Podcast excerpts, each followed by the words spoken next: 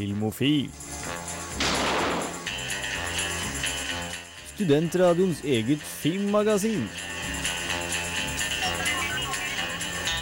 Lights ready, all set. Cameras.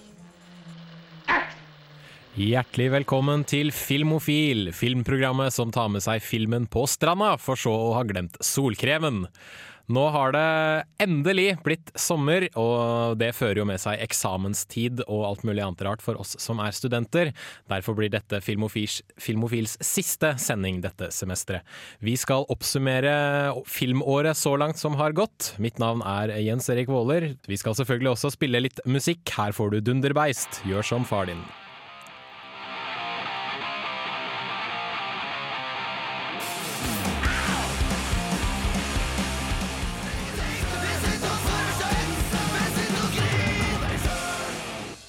Dunderbeist sparker i gang denne Filmofil-sendingen, hvor vi oppsummerer filmåret så langt i 2011.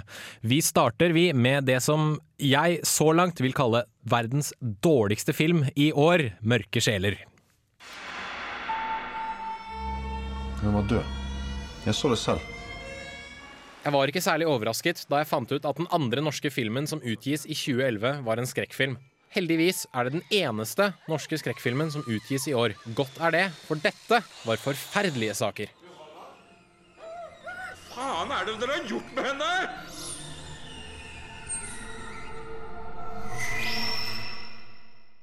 La meg kort oppsummere tankeprosessen jeg gikk gjennom mens jeg satt i kinosalen og skulle felle en dom over mørke sjeler. Hm, ok, men hva? Hæ? Hvorfor? Ja, men Nei! Ja, men Nei! Bullshit! Bullshit! Nei! Ja, men Hæ? Hvor Fleiper de nå, eller? Ah! Ah! Jens Erik knuse møkkafilm!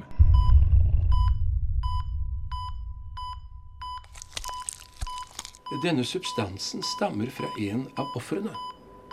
Hvor faen kommer den oljen fra? Under en joggetur blir 20 år gamle Johanna drept med drill av en mann i oransje kjeledress. Men et par timer senere er Johanna plutselig i live igjen, men i en zombieaktig tilstand.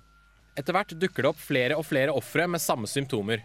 Drillmannens ofre spyr ut eder, galle og olje etter hvert som symptomene forverrer seg i noe som minner om B-filmutgaven av Eksorsisten, Halloween og The Happening kjørt i en blender. Johannas far blir besatt av å finne gjerningsmannen og avdekker samtidig en konspirasjonsteoretikers våte drøm. Mørke sjeler er en film med et budskap så grønt at du kan legge det på bakken og kalle det gress. Vi prøver å få tak i gjerningsmannen, ikke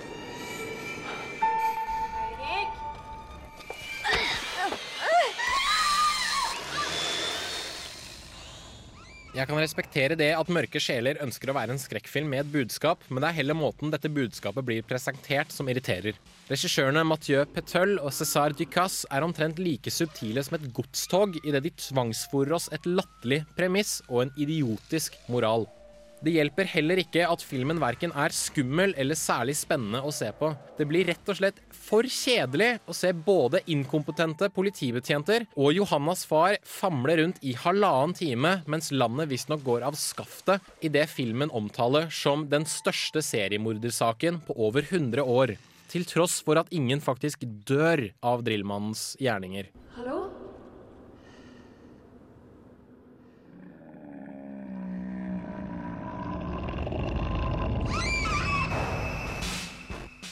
Norsk film i 2011 har fått en råtten start, men lista er heldigvis lagt såpass lavt at det umulig kan bli verre heretter.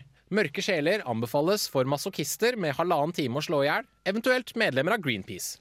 Terningkast 1.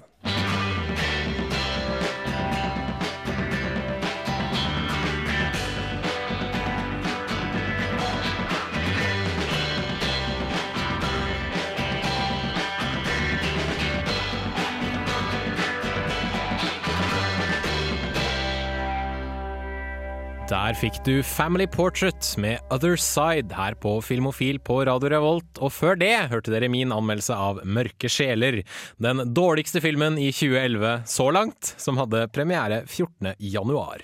Vi skal holde oss eh, i starten av året fortsatt, men vi skal bevege oss sånn ca. en måned framover til 4. februar. Da hadde den beste filmen i 2011 så langt premiere. Det var nemlig Black Swan, som jeg så på kino. I had the craziest dream last night about a girl who was turned into a swan. But her prince falls for the wrong girl and she kills herself. Black Swan er den siste filmen til Darren Aronofsky, kanskje mest kjent for de fleste som mannen bak narkofilmen Requiem for a Dream og det hjerteskjærende karakterdramaet The Wrestler. Mannen har laget eksepsjonelt gode filmer, så forventningene til Black Swan var skyhøye. He promised to feature me more this season. Well, he should. You've been there long enough. And you're the most dedicated dancer in the company. Our new swan queen, the exquisite Nina Sayers. Ballerinaen Nina Sayers har lenge gått og ventet på sitt store gjennombrudd i et av New Yorks mange ballettensembler. Når Tsjajkovskijs 'Svanesjøen' skal settes opp av ensemblet, får Nina til slutt sjansen til å vise hva hun er god for i rollen som svanedronningen. Problemet er bare at rollen er delt i to. Den hvite, uskyldige svanen og den sorte, seksuelt utfordrende svanen. Nina passer ypperlig som den hvite svanen, men mangler den forføreriske energien til den sorte svanen. Nina presser seg selv til det ypperste for å forhindre at den rivaliserende ballerinaen Lilly tar hennes plass i hovedrollen. I'm Lily. You're gonna be amazing. Watch the way she moves. Sensual. She's not faking it. Seduces! Attack it! Attack it! Come on! Historien er en som fungerer på flere plan. Ikke bare er det en film som handler om en oppsetning av Svanesjøen, det er nemlig en oppsetning av Svanesjøen med sterke seksuelle og psykologiske undertoner. Ninas syke begynner å fragmenteres, og den uskyldige og tilsynelatende perfekte fasaden begynner å slå sprekker idet hun utforsker sin egen undertrykte seksualitet. Dette understrekes gjennom utallige audiovisuelle metaforer som stadig utydeliggjør linjen mellom fantasi og virkelighet. It's the role, isn't it? It's all this pressure. I knew it'd be too much. I knew it. What's she doing here? He made me your alternate. The only person standing in your way is you. Aronofsky har vist gang på gang at han klarer å lage filmer som gjør inntrykk på både kropp og sjel. Black Swan er intet unntak. Han har nemlig stålkontroll på alt fra visuelle effekter, koreografi, kameraføringer, skuespillere, musikkbruk og historiefortelling. Black Swan er en 108 minutters lang visuell metafor for det å ødelegge seg selv for kunstens skyld. Where'd you get these? It's nothing. You sweet girl. Feel my touch. Respond to it. Someone's hot for teacher. I don't want to talk about that. We really need to relax. Store mengder ros skal også gis skuespillerne i filmen, og spesielt Natalie Portman for hennes tolkning av ballerinaen Nina. Dette er heldigvis ikke den samme Portman som sippet seg gjennom Star Wars 2 og 3. Hennes fysiske dedikasjon til rollen er åpenbar i scenene hvor hun selv danser ballett, og hun leverer virkelig varene i filmens mange emosjonelle høydepunkt. She's after me. Nobody's after you. Please believe me. Sweet girl. Sweet girl. What happened to my sweet girl? She's gone. En sjelden gang dukker det opp en film det er vanskelig å kritisere. Enda sjeldnere dukker det opp en film det er umulig å kritisere. Black Swan er en slik film som bare må ses på kino. Fantastisk musikk, ypperlig teknisk utførelse, nydelig koreografi, intenst skuespill og fenomenal regi. Dette er filmkunst på sitt ypperste og en soleklar terningkast seks.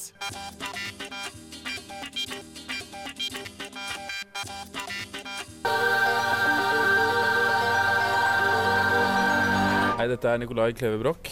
Eh, Jeg vil bare si, hør på Filmofil, så får du med deg mye bra stoff om film. Det stemmer det, vet du. Du hører på Filmofil, og du hørte Sirius Mo med High Together etter min anmeldelse av Black Swan fra i år, som kom ut i februar. 4. februar der så. Og i uh, juli har jo den eh, DVD- og Blu-ray-premiere, så hvis du ikke fikk sett den på kino, så kan du jo plukke den opp da. Eventuelt hvis du bor i Oslo eller på Røros, så kan du se den på kino der. For det fant vi ut under låta da vi gikk inn på filmweb.no.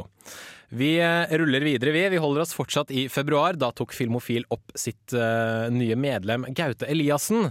Uh, første anmeldelsen han skulle gjøre for oss, var 127 timer. It is 7 o'clock here in Canyonland, USA. And this morning on the boulder, we have a very special guest, Aaron Ralston!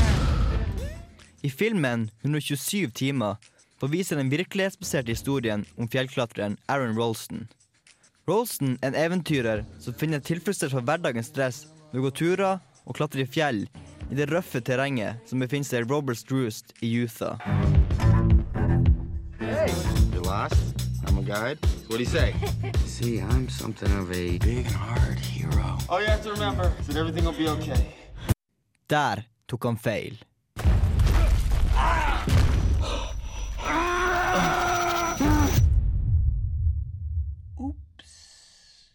Ved et uhell detter Rolson ned en kløft og setter handa si fast mellom en fjellvegg og en stein.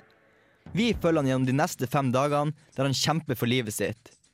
Filmen baserer seg på boka 'Between a Rock and a Hard Place', som Rolson sjøl skrev etter ulykka.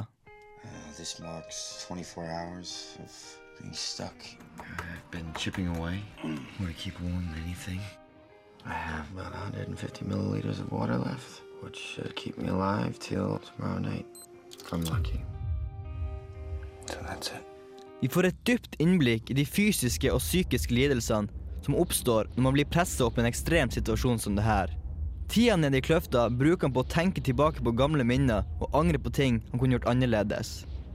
Samtidig som han prøver forskjellige metoder for å komme seg løs. I tillegg må han kjempe for å ikke miste sinnet. Mom, Dad, I haven't appreciated you as I know that I could. I love you guys, and I'll always be with you. En film om en mann som står på samme plass i mer enn en time av filmens totale spilletid, kunne fort bli en kjedelig affære. Men det er ikke tilfellet her. Regissør og manusforfatter Danny Boyle har lagd en film som klarer å holde intensiteten og spenningsnivået oppe gjennom hele filmen.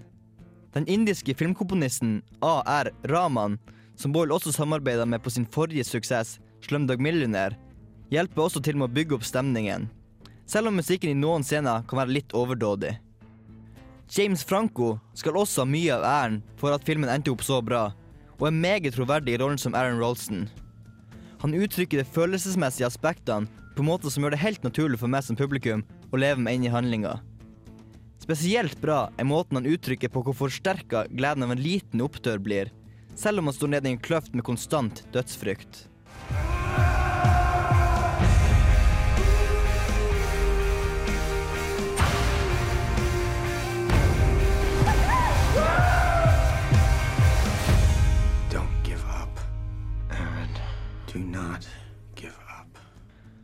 Filmen viser hvordan desperate handlinger mennesker kan ty til når det gjelder liv og død. Og spesielt én scene kan få middagen til å klatre opp gjennom halsen. I tillegg har den noen humoristiske elementer som gjør filmen lettere å fordøye. Gosh, it's a real pleasure to be here. Thank you. thank you. 127 timer er en veldig bra film som anbefales på det sterkeste, og får en velfortjent femmer på terningen. Yes, I know. I know. Yes, I know. I know. Hei, jeg er eh, Agnes Kittelsen, Og jeg er Aksel Henning. og det er viktig at eh, dere hører på Filmofil. Filmofil. Der var vi tilbake i denne spesialutgaven av Filmofil, hvor vi oppsummerer filmåret så langt. Uh, filmåret 2011 så langt, for eh, det hadde vært litt feil hvis vi oppsummerte filmåret 1979. Men uh, uansett, vi skal uh, videre vi fra februar til mars måned. Den 4. mars hadde den norske apokalypsefilmen 'Mennesker i solen' premiere på norske kinoer. Den tok Gaute Eliassen en titt på. Sommeren var på hell. Det her var siste kveld. Bokstavelig talt, for nå går verden under. Og her er værmeldingen. Vi får perfekt sommervær. Kjenner du hvordan solen steker? Med rekordhøye temperaturer. Mennesker i solen begynner som en vanlig sommerkomedie om to ektepar som bestemmer seg for å feire sankthansaften i dag. Plutselig blir vi vitne til diverse uforklarlige naturfenomener som mildt sagt setter en demper på sommerstemninga. Hva om vi slo våre pjalter sammen og slukket litt mat og drikk og Klokka seks? Presis. For ingen vil vel komme for seint til sex? for seint til sex. Det er vel første gang vi får servert en dommedagskomedie her til lands. Konseptet setter grunnlag for noe som kan bli en meget underholdende filmopplevelse. Til tider er det det også, men mest pga. at fokuset ikke ligger på at jorda er i ferd med å gå under. Det som underholder mest, er dialogene og de situasjonene som oppstår mellom hovedpersonene. Det er som å være alene på kloden. Tenk om vi var det. Jeg mener sånn rent eh, teoretisk. Så burde vel egentlig vi switche damer da, og feie over dem begge to. Ja, For å få mer variasjon i genene, mener jeg. Vi møter vårt første dysfunksjonelle par Ingrid og Stig, spilt av Ane Dahl Torp og Jon Øygården. Og vårt andre dysfunksjonelle par i Siv og Svein, spilt av Kjersti Holmen og Ingar Helge Gimle, som i tillegg har med deres forsømte sønn. Alle personene har veldig forskjellige personligheter forskjellige meninger om ting, som gjør at de får mange artige dialoger. Spesielt morsom er Ane Dahl Torp sin tolkning av Siv som en naiv, småfjern dame uten stemmerett i ekteskapet, som tydelig er blitt tvunget til å fortrenge mange av følelsene sine.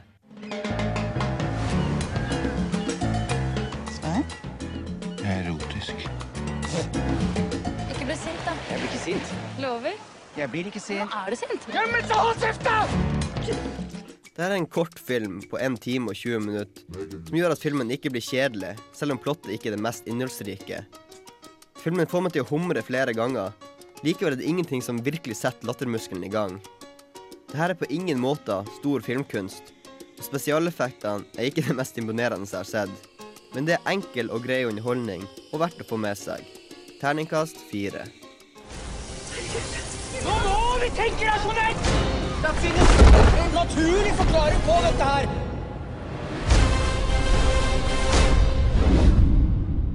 Sto ikke ett eneste ord om det i brosjyren? Nettopp. Det burde jo stått der, det. Under andre opplysninger. Her regner det blod. The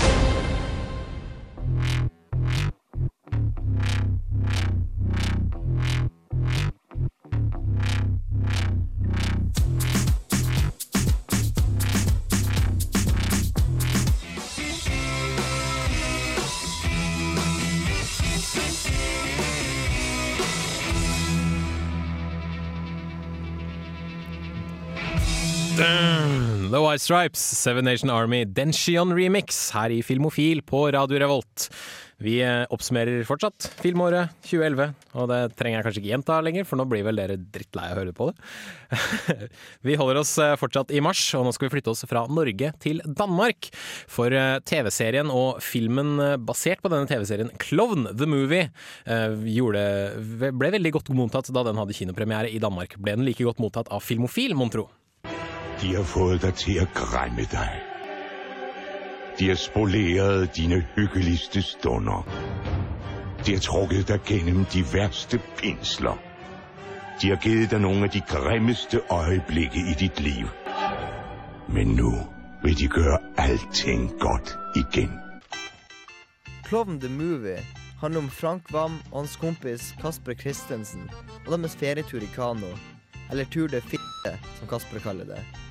Kasper drar på ferien utelukkende for å få seg mest mulig dame, og valgte kanotur fordi han visste at kona ikke ville bli med på det. I tillegg har Frank lurt med seg onkelungen sin for å vise til sin gravide kjæreste at han har farspotensialet. I stedet for en rolig ferie inneholder deres for en haug med pinlige situasjoner og uhell. Sex, rus, pedofili og voldtektsanklager, ran og generell idioti er noen stikkord man kan bruke for å beskrive Klovn the Movie. Hvad? En SOS? Hvad sker der, Kasper? Bo, vågn op! Nu er der over voldtægt, og folk skriger over, og folk siger jo alt muligt pis. Du har da ikke voldtaget nogen, har du? Jeg har ikke voldtaget nogen, men det er der nogen, der siger nu, og nu skal I bare væk. Og så er det det, Bo, bare helvede, kom nu ud af det telt! Jeg vet liksom ikke om jeg skal flire eller kaste opp. Klovnen er som en bilulykke der du vet at du ikke burde stirre, men likevel ikke klarer å ta øynene dine bort fra åstedet. Dette er nok det drøyeste jeg har sett siden Borat, men filmen her er muligens enda mer vulgær og blotta for grenser.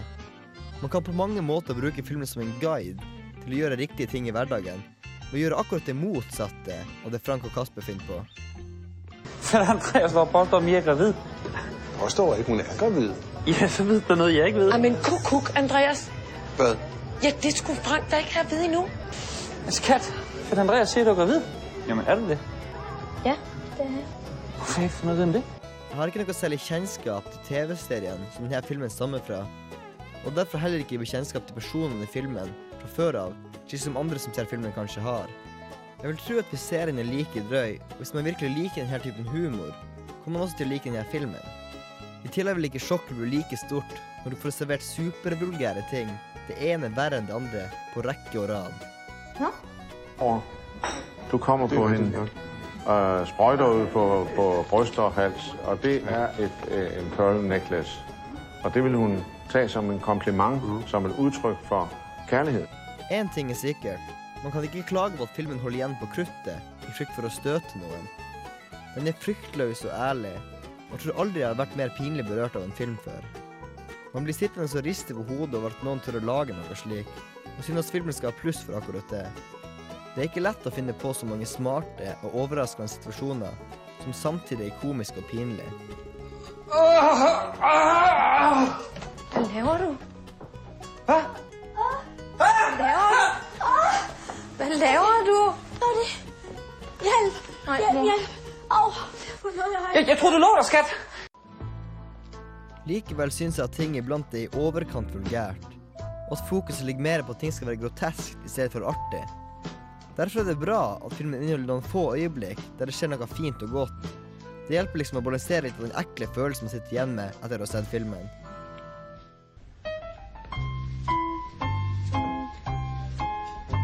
Hvis du i forkant er litt forberedt på hva du får servert, eller har sett serien før, hvis du liker denne typen humor, vil du nok synes at Klovn er en ganske interessant opplevelse, med en underholdende komedie. Sjøl sitter jeg på en merkelig måte gjennom en positiv følelse ovenfor filmen, og velger derfor å gi den terningkast fire.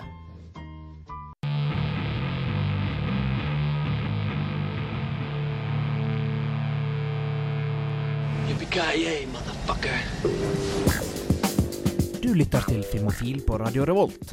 Besøk oss gjerne på våre nettsider på radiorevolt.no filmofil. Der finner du meldinger av kino- og videopremierer, og i tillegg podkast av alle våre sendinger. Har du ris eller ros, tips eller triks, kontakt oss gjerne på elektronisk post. Filmofil, krusedull alfa, radiorevolt.no.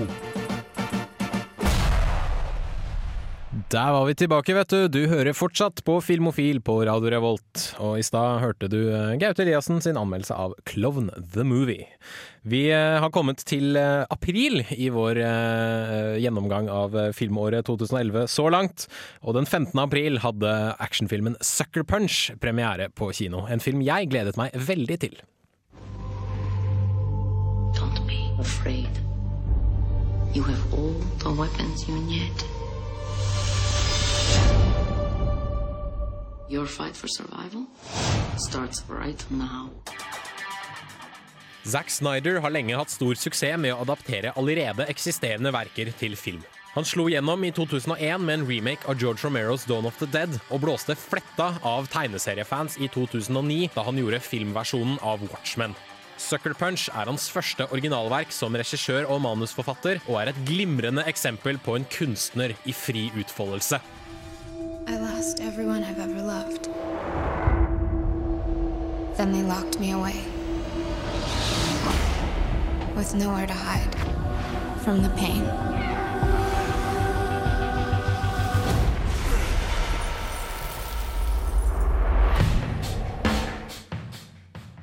20 år gamle Babydoll blir tvangsinnlagt på Lennox sanatorium av sin alkoholiserte stefar etter sin mor og søsters død. Stefarens plan er å lobotomere jenta, slik at han kan overta arven hennes. Men Babydoll har ikke tenkt å gi seg så lett, og legger raskt en plan for å stikke av. I need to get out. I'm gonna escape from here. There's armed guards everywhere. And if Blue finds out, we're dead. We're already dead. Jentene i Lennox sanatorium blir oppfordret til å skape fantasiverdener der de kan bearbeide den dagligdagse virkeligheten. Store deler av filmen foregår nemlig i en slik fantasiverden, fremstilt som et 1920-talls bordell, der de unge jentene kan bruke sin egen seksualitet som våpen mot svette, groteske mannfolk i et burlesk danseshow. Videre skaper jentene fantasiverdener i fantasiverdenen, der rømlingene er soldater i en imaginær krig som en visuell representasjon for de ulike oppgavene de må løse. To reach your own paradise. Just let go. What you're imagining right now, you control this world. Aldri før har så mye nerdesnacks vært stappet inn i en film på to timer. Heite jenter i korte skjørt med svære geværer og japanske sverd? Check. Ildsprutende drager? Check. Gigantisk mekanisk rustning med kanindekor? Check. Steampunk-zombier? Check. Futuristiske roboter? Check. Kjempesamuraier med maskingevær? Dobbeltcheck. Kampsekvenser som går way, way, way over the top? Trippel, jackpot, ultra, combo, check. Sucker Punch er det du ville fått om Terry Gilliams Brazil gjorde Alice in Wonderland gravid mens de begge sniffet amfetamin fra sidene til en japansk tegneserie. Ikke bare er det råtøft å se på, filmen sier også mye om eskapisme og hvordan vi bruker fantasi og drømmer for å sette hverdagen i system. This is your journey. If you succeed, it will set you free. Snyder har virkelig lagt alt av sin kreative sjel inn i Sucker Punch og vrir verdi ut fra hver eneste dollar i budsjettet. Lydsporet blir dessverre slitsomt til tider, og slutten kommer til å irritere og forvirre mange, men bildekomposisjonen er nydelig, kameraføringene stødige og klippingen fenomenal. Sleng på spesialeffekter uten sidestykke, en historie som fungerer på mer enn ett plan, og du får en klin gæren, men pokker så underholdende og velfungerende actionfilm av den sjeldne sorten. Terningkast fem.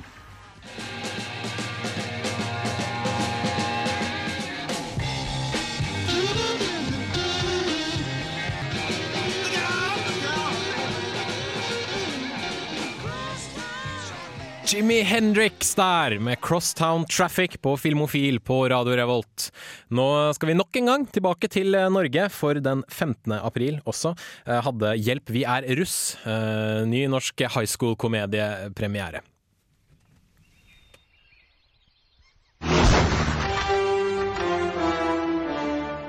For første gang skal en film om den uforglemmelige russetida bli vist på lerretet. Tida på videregående da hun i to uker la bort skolearbeidet og la fokuset på fyll og fanteri. En tid mange assosierer med utallige morsomme øyeblikk, noe Hjelp med russ ikke gjenspeiler på noen som helst måte. Tredjeklassen på Ødevåg videregående skole er russ i år. Men russekassa som skulle dekke turen til russetreff i Stavanger, har blitt stjålet, og turen blir dermed avlyst. Men én kar gir ikke opp håpet, og klarer å samle en gjeng forskjellige individer til å gjøre en ekstra innsats for å realisere turen. De klarer å skrape sammen penger til en buss og sette ut på veien mot Stavanger. På turen oppstår det diverse komplikasjoner, i tillegg til Ødevågs rektor og lensmann prøver å stikke kjepper i hjulene deres. Ødevåg, altså. Hva skjedde med Markus, om noen dager skal vi på russetreffet og Bright Lights Big City. For det er bye bye Ødevåg. Ja, Oi. Hjelp, vi russ skal visstnok være en norsk versjon av en high school-komedie som ikke akkurat setter lista veldig høyt. Likevel må man kunne forvente en viss underholdningsverdi. Og selv om konseptet ikke tilsier filmkunst, må det jo være noe som er severdig i en sånn her film. Nei da. Hjelp, russ er ubrukelig fra begynnelse til slutt. Eneste jeg kan tenke meg, er at filmen er skrevet i fylla, da man er kommet til et punkt man syns alt er artig, selv om det i realiteten ikke er det. Kurt Eilif. Perfekt. Han kan helt sikkert hjelpe oss. Ja, hjelp oss. Hjelp oss til å bli lampeskjerma og kebabkjøtt, kanskje? Kurt Eilif. Hallo, fyren kunne like godt hett Leatherface. Ikke si sånn, da. Ja, hold kjeft for en gangs skyld, Robert. Slapp av, du har yoga. Skuespillerne kommer med påtatte og dårlige vitser uten punchline, og situasjonene de havner oppi, er verken morsom eller oppfinnsom. Det hjelper heller ikke at de har fått med litt mer etablerte skuespillere, som f.eks. Are Kalve og Kristoffer Joner. Joner i sin rolle som psykotisk pervo er mer ekkel enn morsom, og Kalve som en streit rektor klarer heller ikke å utstråle noe som kan bli kalt god humor. Hei, kan du stoppe bussen?!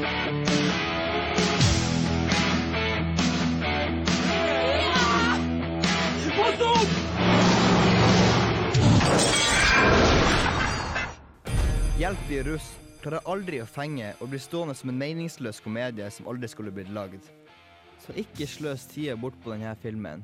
men er du sjøl en dritings russ på et seint nachspiel. Terningkast én. Nei.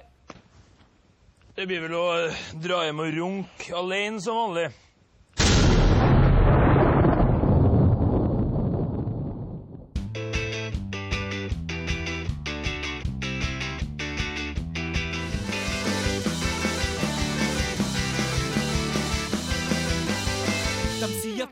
Har lomma full. Filmofil? Jeg er ikke filmofil. Nei, men det er jo jeg og resten av oss i Filmofil, selvfølgelig, for ellers hadde vi jo ikke jobbet i dette programmet. Nå har vi kommet til den siste anmeldelsen, som hadde premiere den 27. april. Og det var superheltfilmen Thor, som jeg tok en kikk på.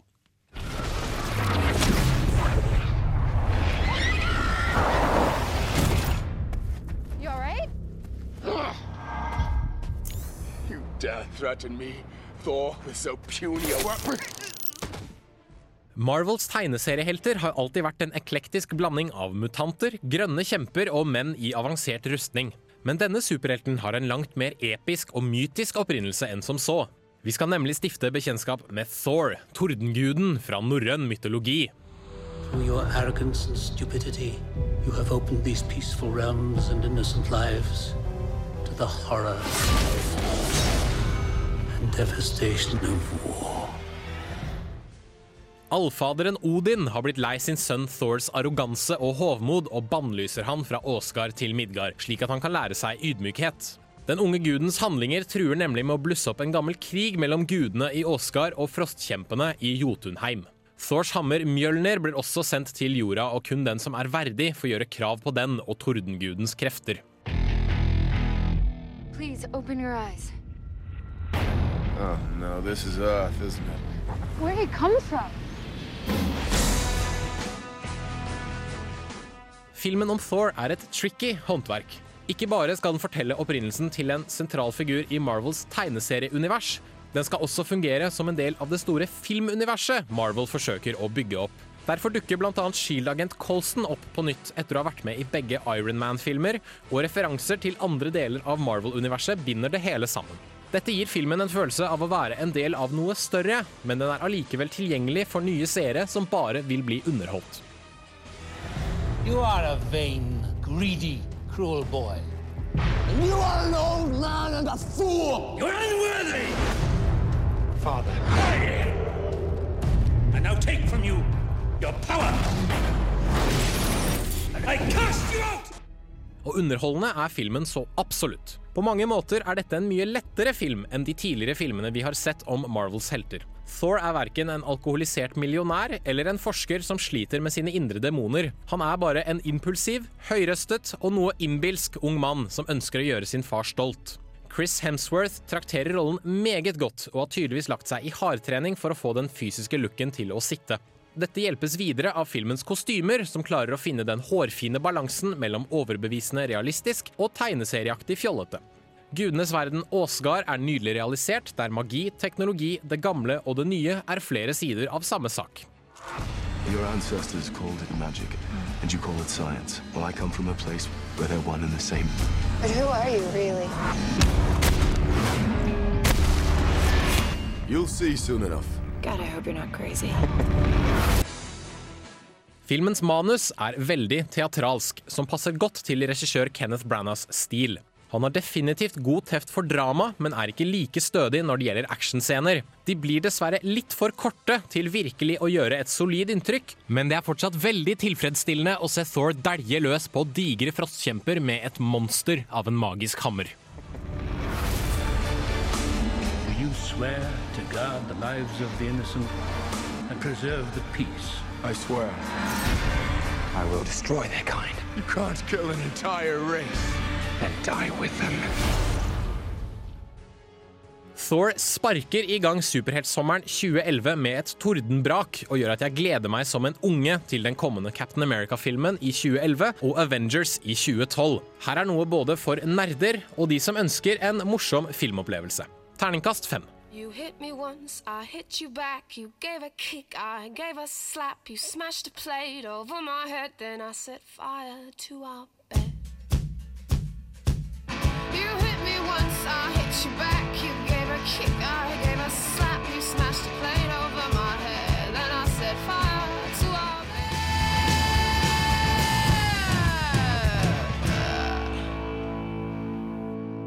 Florence and the Machine, Kiss with a Fist. Og før det hørte dere anmeldelsen min av Thor, som hadde premiere den 27. april i år 2011 der, altså. Men det var dessverre alt vi rakk i denne aller, aller siste Filmofil-sendingen dette semesteret. Men vi er jo selvfølgelig tilbake igjen i eh, august, og da blir det jo flere filmanmeldelser, det blir masse ukas filmlåt, det blir jo filmnyheter og sikkert litt nerdealarm og alt mulig rart som dere er vant til å høre fra Filmofil. Eh, Vi avslutter med Daft Punk med D-Rest, og husk på Soylent Green is people.